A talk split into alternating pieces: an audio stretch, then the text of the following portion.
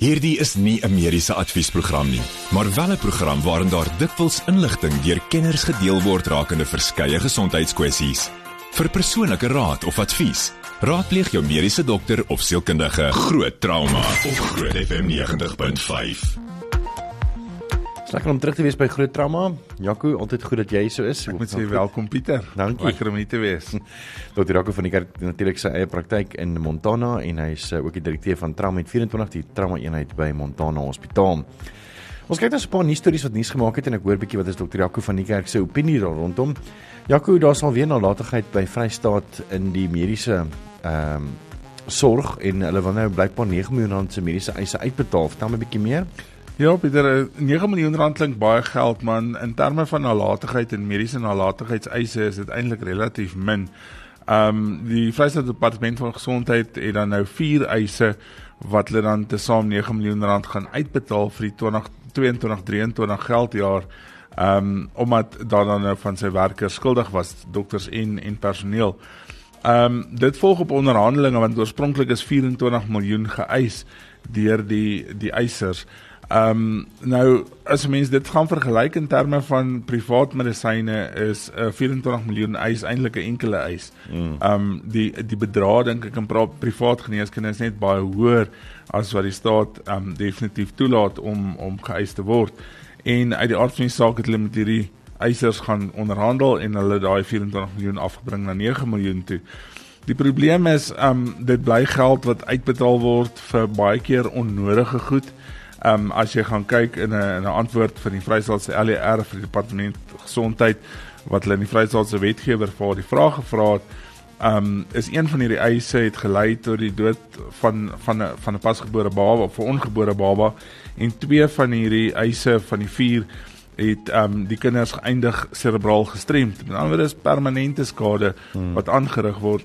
Mense sien ook dat dit baie keer met obstetrie of uh, obstetriese sorg en en en die perinatale um, tydperk net voor en net na kraam gepaard gaan. En ek dink as mense gaan kyk na ons land se moeder baba sterfte syfer dan kan mense dit sien ook. Ehm um, dis ook in privaat praktyk hoekom baie van die uh, versekeringsmaatskappye wat ons verseker ongelooflike bedrae mm. aan ginekoloë en obstetriste ehm um, koppel. Ehm um, nie omdat hulle nalatig is nie, maar net om die risiko ook so hoog is. Nou wat wat eintlik bietjie lagwekkend is, ehm um, die die nasionale gesondheidsversekering word dan nou voorgehou weer eens hier. Ehm um, so hulle meen die die LER meen dat nalatigheid van dokters en verpleegpersoneel gaan ehm um, verbeter word deur die die nasionale gesondheidsversekering. En ek is nie heeltemal so seker daaroor nie. Ehm um, die groot ding is ek dink as mense gaan kyk hoeveel ehm um, privaat persone gedagvaar word. Al daai ouens gaan dan nou ophou om hulle privaat versekerings te betaal en staal jy werk mos dan vir die staat. En ehm um, as jy dan gedagvaar word, daai eise gaan net meer en meer en meer word want jy gaan soveel meer mense sien met soveel minder um opgeleide persone dat jou risiko vir komplikasies nie noodwendig altyd nalatigheid nie maar dat daar nagelaat is om sekere goed te doen um gaan waarskynlik hoër wees. So ek weet nie waar kom die som vandaan dat uh hulle sê dat um die nasionale gesondheidsversekering 'n uh, antwoord is op die gesondheidsprobleme in die provinsie nie. Um dis dis regtig eintlik absurd.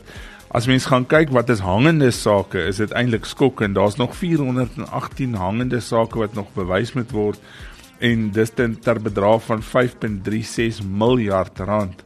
Um ek dink net as 'n mens in daai situasie kom waar jy daai tipe van nalatigheidseise teen jou het en jy kan dit nie bekostig om uit te betaal nie, dan is jy eintlik in in privaat praktyk bankrot. Mm. So hoekom gaan jy en Pieter voort met 'n ding soos nasionale gesondheid en jy Pieter voort en jy sê alles gaan goed, maar jy kan dalk nog 'n paar miljard rand verloor. Ons gaan net nou 'n bietjie verder gesels oor 'n paar nuus stories wat nuus gemaak het onder andere psigiatrie wat uh, onder die Wes-Kaapse gesondheidsdienste ehm um, geweld onder uh, ge gesondheidsdienste uh, weer kop uitsteek en dan ook 'n bietjie meer oor selfbesering uh, so bly gerus ingeskakel daarvoor.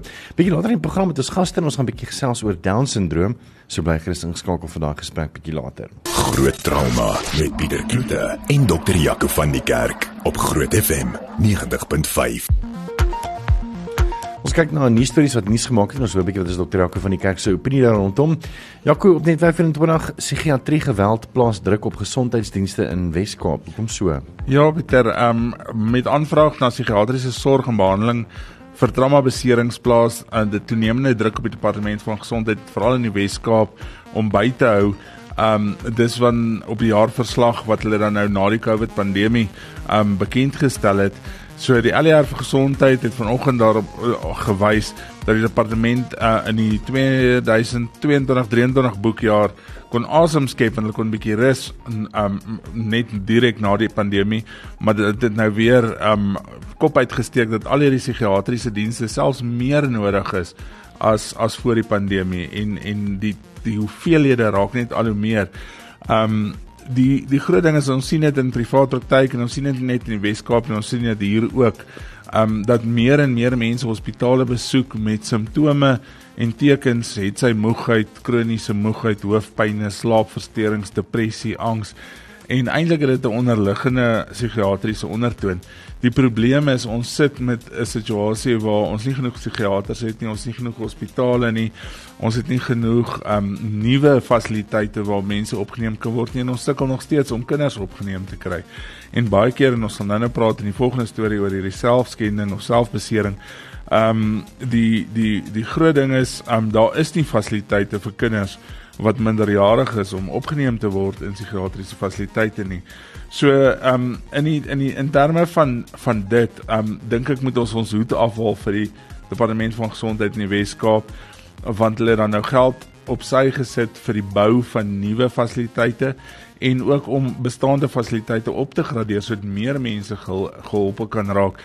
Mense moet onthou dat dat psigiatriese dienste is 'n moeilike ding. Jy kan nie enige ehm um, hospitaal gebruik daarvoor nie. Daar's spesifieke riglyne, reëls en regulasies wat nagekom moet word. So dis 'n baie duur vorm van behandeling en ek dink aan die einde van die dag ehm um, is dit 'n baie baie is eintlik 'n pleintjie in hulle in hulle hoed om te sê hulle gaan regtig hierna kyk. Ehm um, nog 'n goeie nuus wat wat die departement van gesondheid in die Weskaap aangekondig het is dat hulle 'n skoon auditmeting gehad het in die laaste boekjaar en dit is die 5de agtereenvolgendes uh agtereenvolgende jaar. Hulle het ook hulle chirurgie um agterstand na die COVID pandemie wat op op 37000 gestaan het afgebring na 11000 in 2022 en dit staan nou net op oor die 5000. So ek dink as mense gaan kyk provinsie gewys is dit regtig die provinsie dink ek dalk om in te wees as jy in die staatsdiens um se gesondheidsorg um benodig of of of deel is daarvan ek dink regtig waar mense kan jou hoed afhaal en mense is altyd geneig om negatief te wees net oor die staat uh, sektor in terme van gesondheid en ek dink hierdie is 'n baie goeie voorbeeld van 'n baie goeie storie vir hulle. En dan 'n artikel op Marula Media wat my nogal geraak het is geskryf deur Tia Besoa Greenvelder en sy sê dat 'n 15-jarige dogter uh, in skoolklere na kantoor gaan sit en uh, toe sê sy nee ek koop nie tannie cope nie. Alles is te veel. My lewe is val uit mekaar uit en ek ek voel net as ek sny. En dis dan ek Jaco wat jy vir ons bietjie meer met duidelikheid gee oor hierdie artikel, jy weet, ehm um, die die die, die opskrif sê selfbesering elke sny vertel 'n storie. Ja, Pieter, dis 'n ding wat wat ehm um, ons ook al hoe meer en meer in ongevalle is en en na ure ehm um, gesondheidsdienste sien. En dis 'n ding wat ek ek is nou 20 jaar in praktyk en ek het lank gevat om ek uh, om, om om dit te probeer verstaan.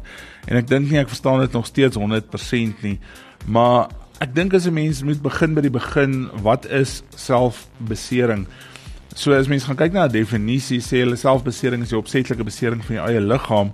Um dit kan ook beskryf word as selfleed, selftoegediende geweld of selfgebeseerde gedrag.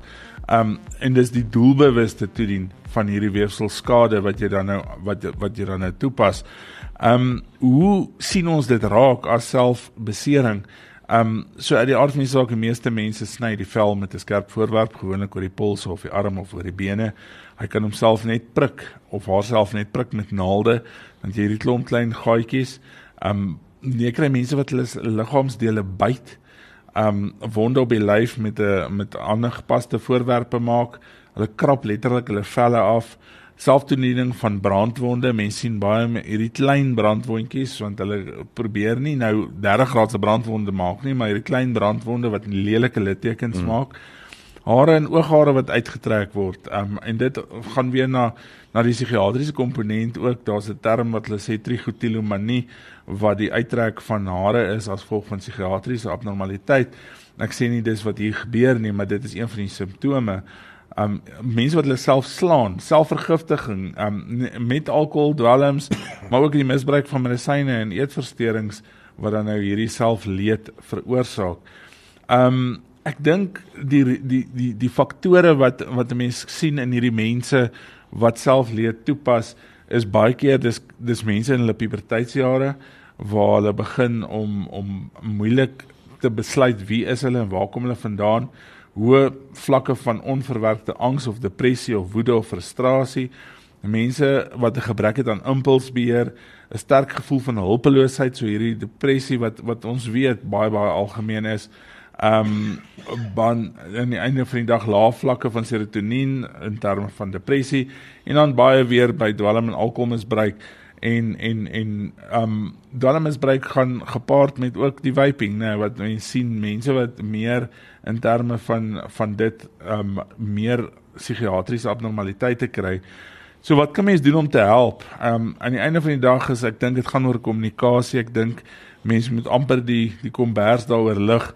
Dit nie so geheimhouding uh, dink wees soos wat dit tans is nie. As jy in 'n vriendegroep is waar so iets gebeur, praat met daai vriend of vriendin ehm um, praat met die vriende groep, ehm um, gaan soek hulp. Dit is daar buite beskikbaar. Dit is nie die moeite werd om vir die res van jou lewe met 'n litteken rond te loop, ehm um, omdat jy sukkel om jou emosies te, te hanteer of te te verwerk nie. Net hierna gaan ons 'n uh, bietjie gesels met Down syndroom Suid-Afrika, so bly gerustig geskakel daarvoor. Met die volgende program bo Groot FM 90.5 om jou as luisteraar met die nodige inligting oor 'n spesifieke onderwerp te voorsien. Alhoewel hierdie inligting dikwels deur 'n kenner op die gebied gedeel word, word jy aangemoedig om jou mediese dokter of sielkundige te besoek vir persoonlike advies of raad. Groot trauma met Pieter Kloete en dokter Jaco van die Kerk op Groot FM 90.5. Welkom terug. Ek is Pieter Kloete en saam met Dr. Jaco van die kerk natuurlik en ons groot trauma en ons gaste vanaand is uh, Ansela Ramjas. Sy is die um, nasionale uitvoerende direkteur van die Down syndroom organisasie en uh, ook 'n uh, bietjie meer van 'n personal touch. Um, Annelies Boot, sy is 'n administratiewe beampte, maar sy het ook 'n persoonlike storie wat sy met ons gaan deel. So uh, bly gerus ingeskakel daarvoor, so lekker oor hieroor gesels oor die onderwerp en as jy wil saamgesels, jy's meer as welkom 061 610 4576 en onthou standaard tariewe geld. Kom ons begin ook by die begin Jaco, wat is down syndroom van 'n mediese perspektief af? Ja Pieter, ek dink as mens begin by die geskiedenis van down syndroom, ehm um, is dit die eerste keer as 'n aparte syndroom gedefinieer um in 1862 deur 'n Engelse fisikus met die naam van John Langdon Down. Um dit was nog 'n baie grouwe definisie en daar's 'n klomp ander definisies na dit wat ook um uit die aard van die saak deel geword het van die geskiedenis, maar dis 'n baie goeie definisie en dis waar dit die eerste keer en dis dink ek obviously waar die naam nou vandaan kom.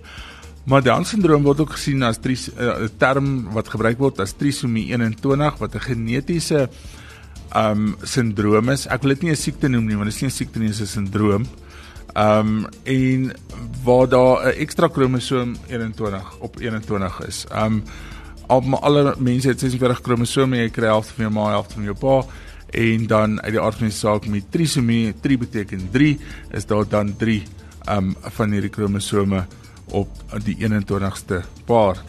Ehm um, daar's mense kan baie akademies daaroor raak jy en en dis genetika en genetika kan 'n baie wollerige ding raak as 'n mens so diep in dit gaan. Maar daar's basies 3 groot subtipes. Ons het trisomie 21 en wat die mees uh, algemene tipe is wat wat wat ons almal ken. En dan is daar mosaïek down syndroom waar net gedeeltes aangetast word van die kliniese beeld of syndroom en dan mense ook 'n translokasie down syndroom. Um ek dink nie mense moet te veel ingaan in diepte daaroor nie. Ek dink daar's baie belangriker dinge om oor te praat, maar dis die dis die tipes wat 'n mens kry. So So let's talk about the organization Down Syndrome um, South Africa. Why is there a need for the organization and um, what is it that, that you guys do? Ansela? Down Syndrome South Africa was started in the late 70s, um, where a group of parents came together who found a need that there was actually very little information around the condition in South Africa and very little support structures. Um, and so they started little individual groups within the different provinces. Um, and then in 1986, it was decided, you know what, there was a need for a national umbrella body. And that's how Down Syndrome South Africa was established. So we are a parent organization consisting most of, mostly of parents. I am a parent as well. And our main mandate as an organization is to establish support structures in areas where there are no support for parents. Uh, develop information so that parents have the ac- correct information about the condition, work with hospitals and clinics to make sure that we share that information so that parents, when a baby is born in a hospital, parents have access to that information. So we actually have a specific parent pack which we hand out to parents that outline their, the journey that they're going to be traveling. Our one of our most important mandates as an organization as well is to advocate for their rights. Um, we, you know, it's all about, it's no more about charity, it's about, you know, working from a human rights perspective, and that is what we focus on a lot. So your jobs actually starts, you know, uh, during pregnancy, because that's I think when the mother first, you know, confronts uh, with with this, where the doctor say, listen, there is a chance that that, that your that your uh, child might have um, Down syndrome because of the the tests they've done and, and stuff.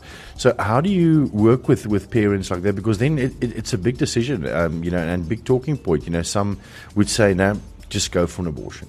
You know, but it's not as easy as that, you know, um, uh, because I mean, it's a child that's you know in the womb, you know. So, so how do you advocate and, and deal with and, and tell parents to you know go go through with it? You know, being a parent myself, um, I wasn't prepared when the, the news was broken for me. So um, I grieved for the loss of the child that I did not have. And it was only through a support organization, by meeting other parents and hearing their stories and sharing their stories about their children, that I realized that I wasn't alone. Uh, that I had people who could take my hand and lead me on this journey that I was to travel. And that brought about finally the acceptance and to see my child for who she is. And I think when we meet new parents, um, we allow them that grief because I think that's important. Because it's only after they go to that stage of grief are they able to finally accept the child. Because in the end, that is what is important to be able to bond with your child, just as if you would have bonded with a, if you had a typical child. And and so and it's important that we give them to tell them that we're there to to lead them on this journey by giving them the correct information that we they we, what no matter what stage of their life their child is going or what challenges they're experiencing that we are there to assist them and to support them. Jacob, my mother's best friend uh, had a Down syndrome daughter, and you know I was growing up with her. You know uh, when she came to visit, and my parents always said that you know she's not going to live long.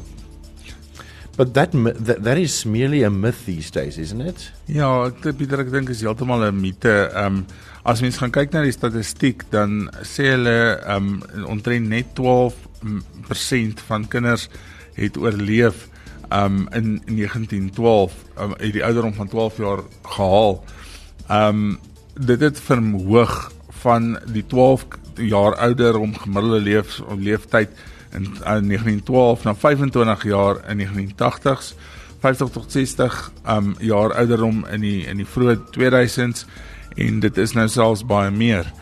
Oorspronklik was 4 tot 12% van van um down syndroom gebore babatjies oorlede in die eerste jaar wat ook nie meer die geval is nie. En ek dink is 'n groot 'n groot deel daarvan het gekom vir beter gastro-intestinale komplikasie uh, probleem hantering um jou kardiale abnormaliteite wat daarmee ge, ge, gepaard gaan is baie beter om om, om vandag te hanteer en daar's baie beter gespesialiseerde sorg in terme daarvan. Ek dink intedeel elke komplikasie wat mens potensieel kan kry of elke abnormaliteit wat mens kan kry in terme van van van ehm um, tekens en simptome, nie noodwendig eers komplikasies, baie keer pla dit ook nie die kind nie. Ehm um, maar wat dit dalk vir die ouer pla of vir iemand anders pla, ehm um, kan jy so goed behandel deesdae dat ek dink mense kan 'n goeie lewenskwaliteit hê en jy kan 'n vol lewe lei en ehm um, as jy mense gaan kyk in Amerika, 'n groot persentasie van die van die kinders is deel van die werkersmag. Ehm um, so hoekom nie in die res van die wêreld ook nie? Ons het net 'n bietjie verder gesels oor Down syndroom en ook bewusmaking daar rondom. Ek dink jy sal met my saamstem dat ons almal kan onthou daai opblad die opblad daar tema liedjie en dan uh, is dit die Afrikaanse weergawe van 'n uh, kokkie en sy gesin en dit was ook so blink gegee van van hoe die wêreld van 'n Down syndroom persoon lyk. So ons 'n bietjie daar gesels en uh, jy is welkom saam te gesels 061 610 4576 om te uh, onthou standaard tariewe geld. Groot trauma op Groot FM 90.5.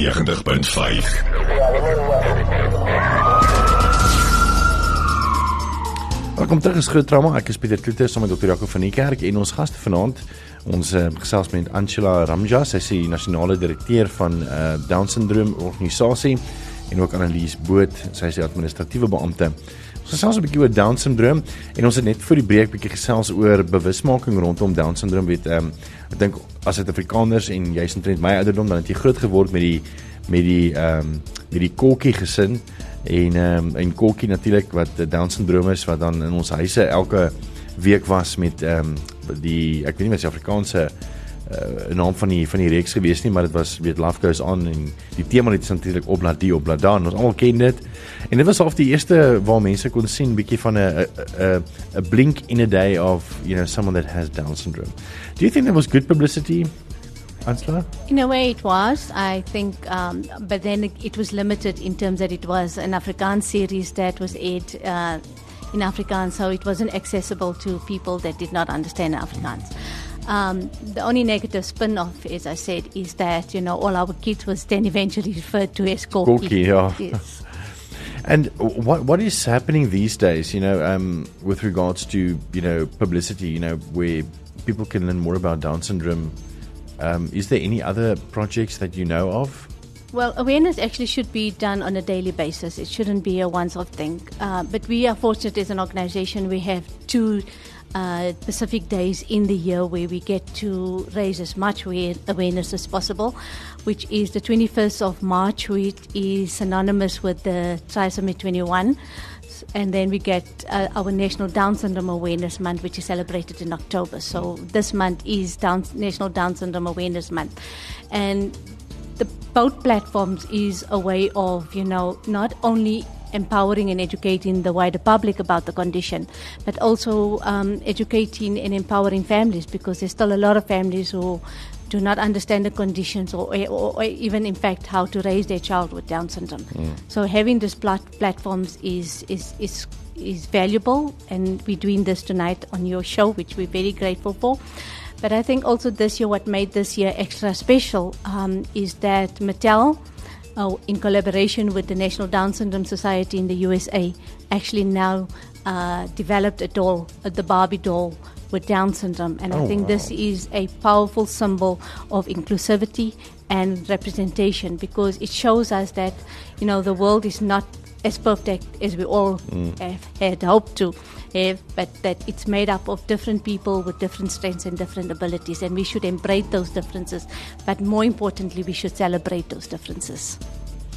We're talking um, about Down syndrome. In net nie nou wil 'n bietjie hoor oor beide I mean both of you are obviously advocates. You're also, you know, as on the national executive um, and the administrative uh, administrative uh, person, but you know, you're also moms, you know, of children with with Down syndrome. So, you know, I want to just get a blink into, you know, being a mom with a person with Down syndrome after this. Nou is dit vir jou mediese mite minuut.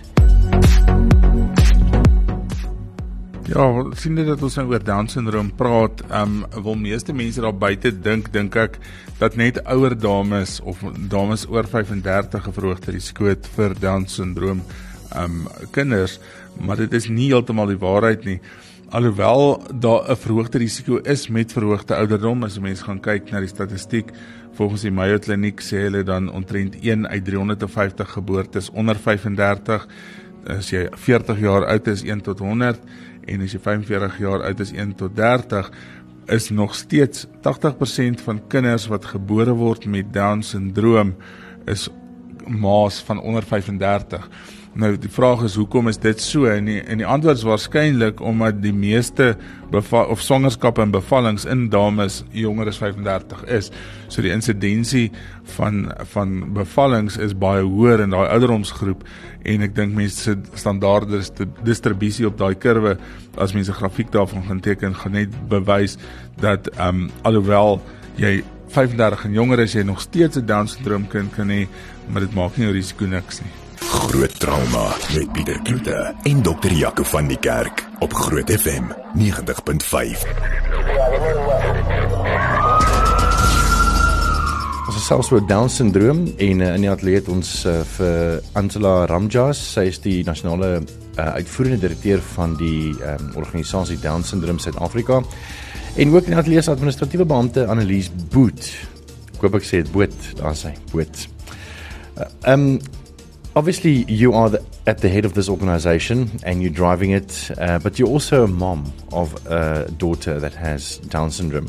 Tell us a little bit more about your experiences, you know, the highs, the lows. So, as I mentioned in the beginning, when I first got the news that she had Down syndrome, it came as a shock. But I think after acceptance, um, there's nothing today that I would change. She's my absolute hero. I actually call her my Discovery Channel because everything that I am is because of her. I think she's taught me more in life and what life should be than compared to what I have taught her. Mm. And I think that's what's so important. And yes, there is challenges. I'm not going to lie. It's sometimes not an easy road to travel on, but as long as you have the correct support, you know that there's people out there or there's organizations that can help you it becomes a much easier journey.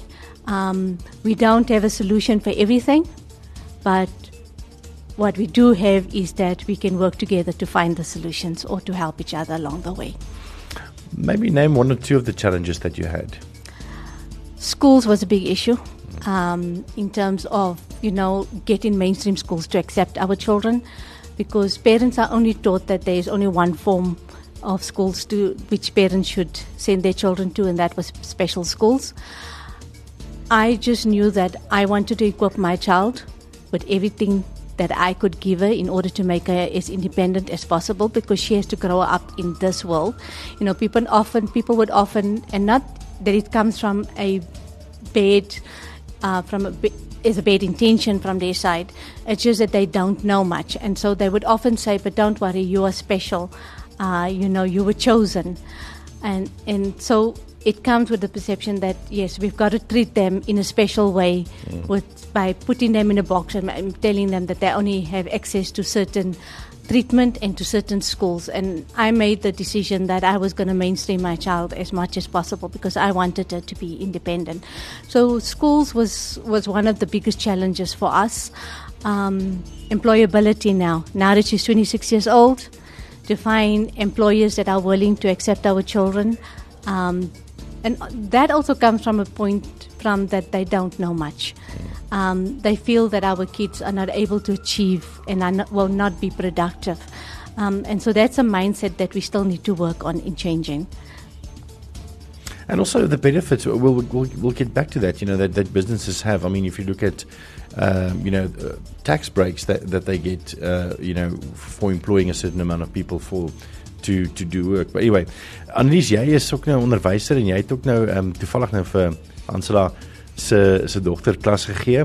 As onderwyser, uh, vertel ons 'n bietjie meer oor Down syndroom en, en jou ervaring met persone met Down syndroom.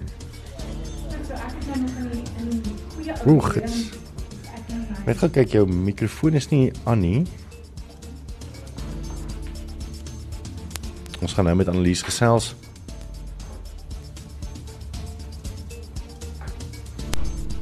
Ons sê kom ons probeer weer.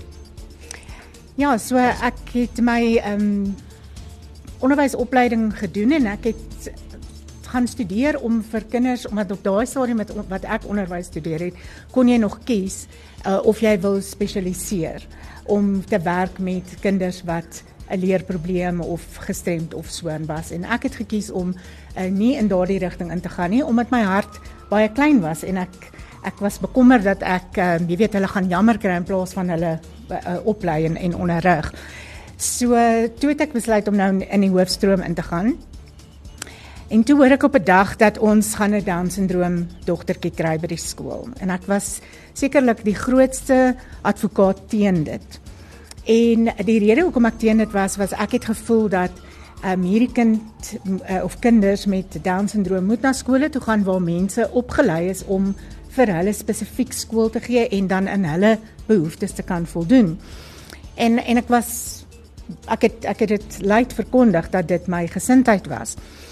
En so gebeur dit toe nou die dag dat ek nou 'n uh, klas gee en ehm um, die kindertjies stap in en gee die les en ek het geweet uh, Temies die uh, Ansela se dogter die Down syndroom dogter was uh, nou in my klas en ek het haar plekkie ingerig en alles maar daar was er nie regtig ware warmte in my om haar te verwelkom nie.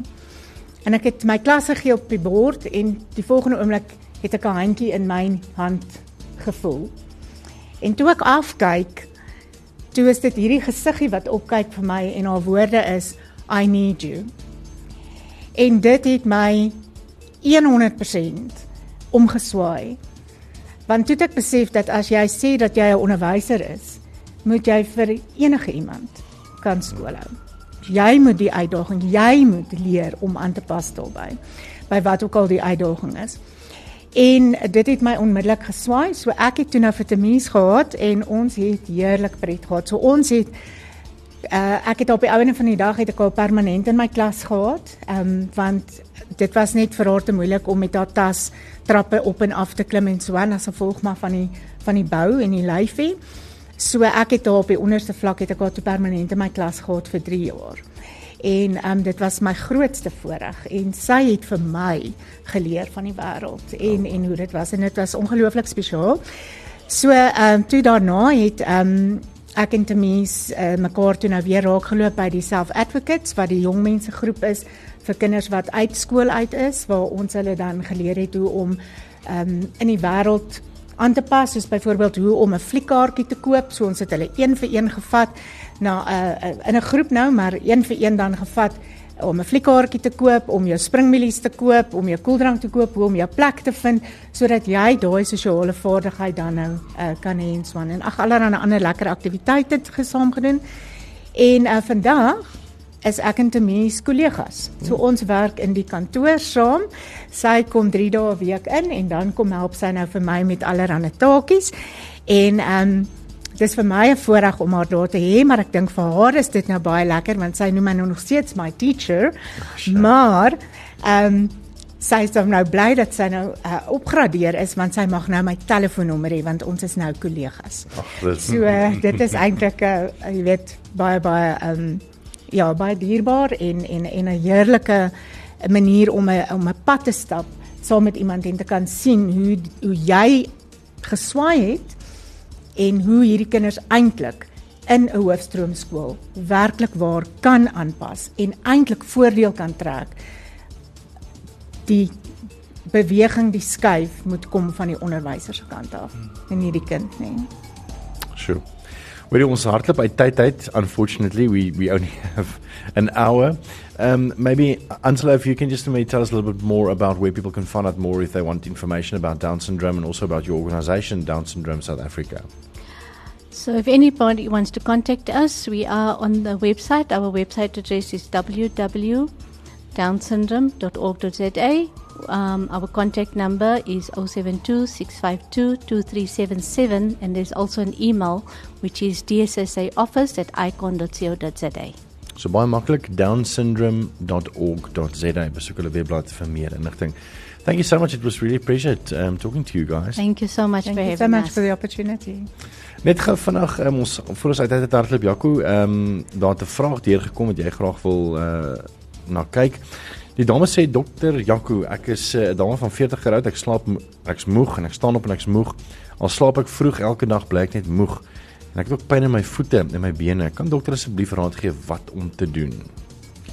Sjoe, ek moet amper nou sê daai vraag is so wyd soos die liewe Vader se genade, maar ehm um, maar moegheid is 'n is 'n is 'n baie moeilike term.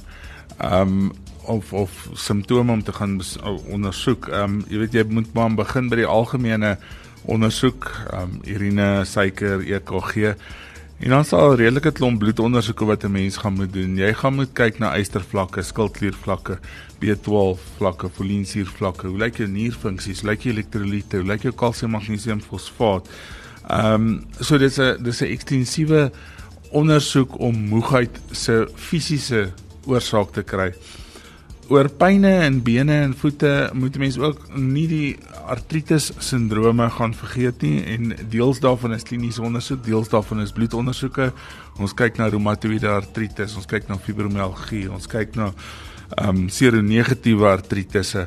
Ehm um, en en dit alles is is maar 'n proses van eliminasie van die algemene goed en baie keer eindig jy met 'n baie ek noem dit pink canary is 'n baie baie baie skaars ding baie keer waarmee jy eindig, maar 'n mens moet maar deur die hele paadjie van van van ehm um, ondersoeke gaan. Ehm um, so daar's nie 'n ongelukkige maklike antwoord oor wat moet jy doen met moegheid nie. Ek dink die belangrike ding is mense daai pad begin loop van ondersoek. Ja, dis dit. Baie dankie vir die saamluister. Dr. Jaco van die kerk natuurlik sy praktyk in Montana en ook uh trauma met 24 die trauma eenheid by Montana Hospitaal. En dan hierdie pot gooi of potsending sê hooplik sit aan die einde van die week op ons webblad kry grootfm.co.za. Groot trauma met Pieter Kloete en Dr. Jaco van die kerk op Groot FM 90.5.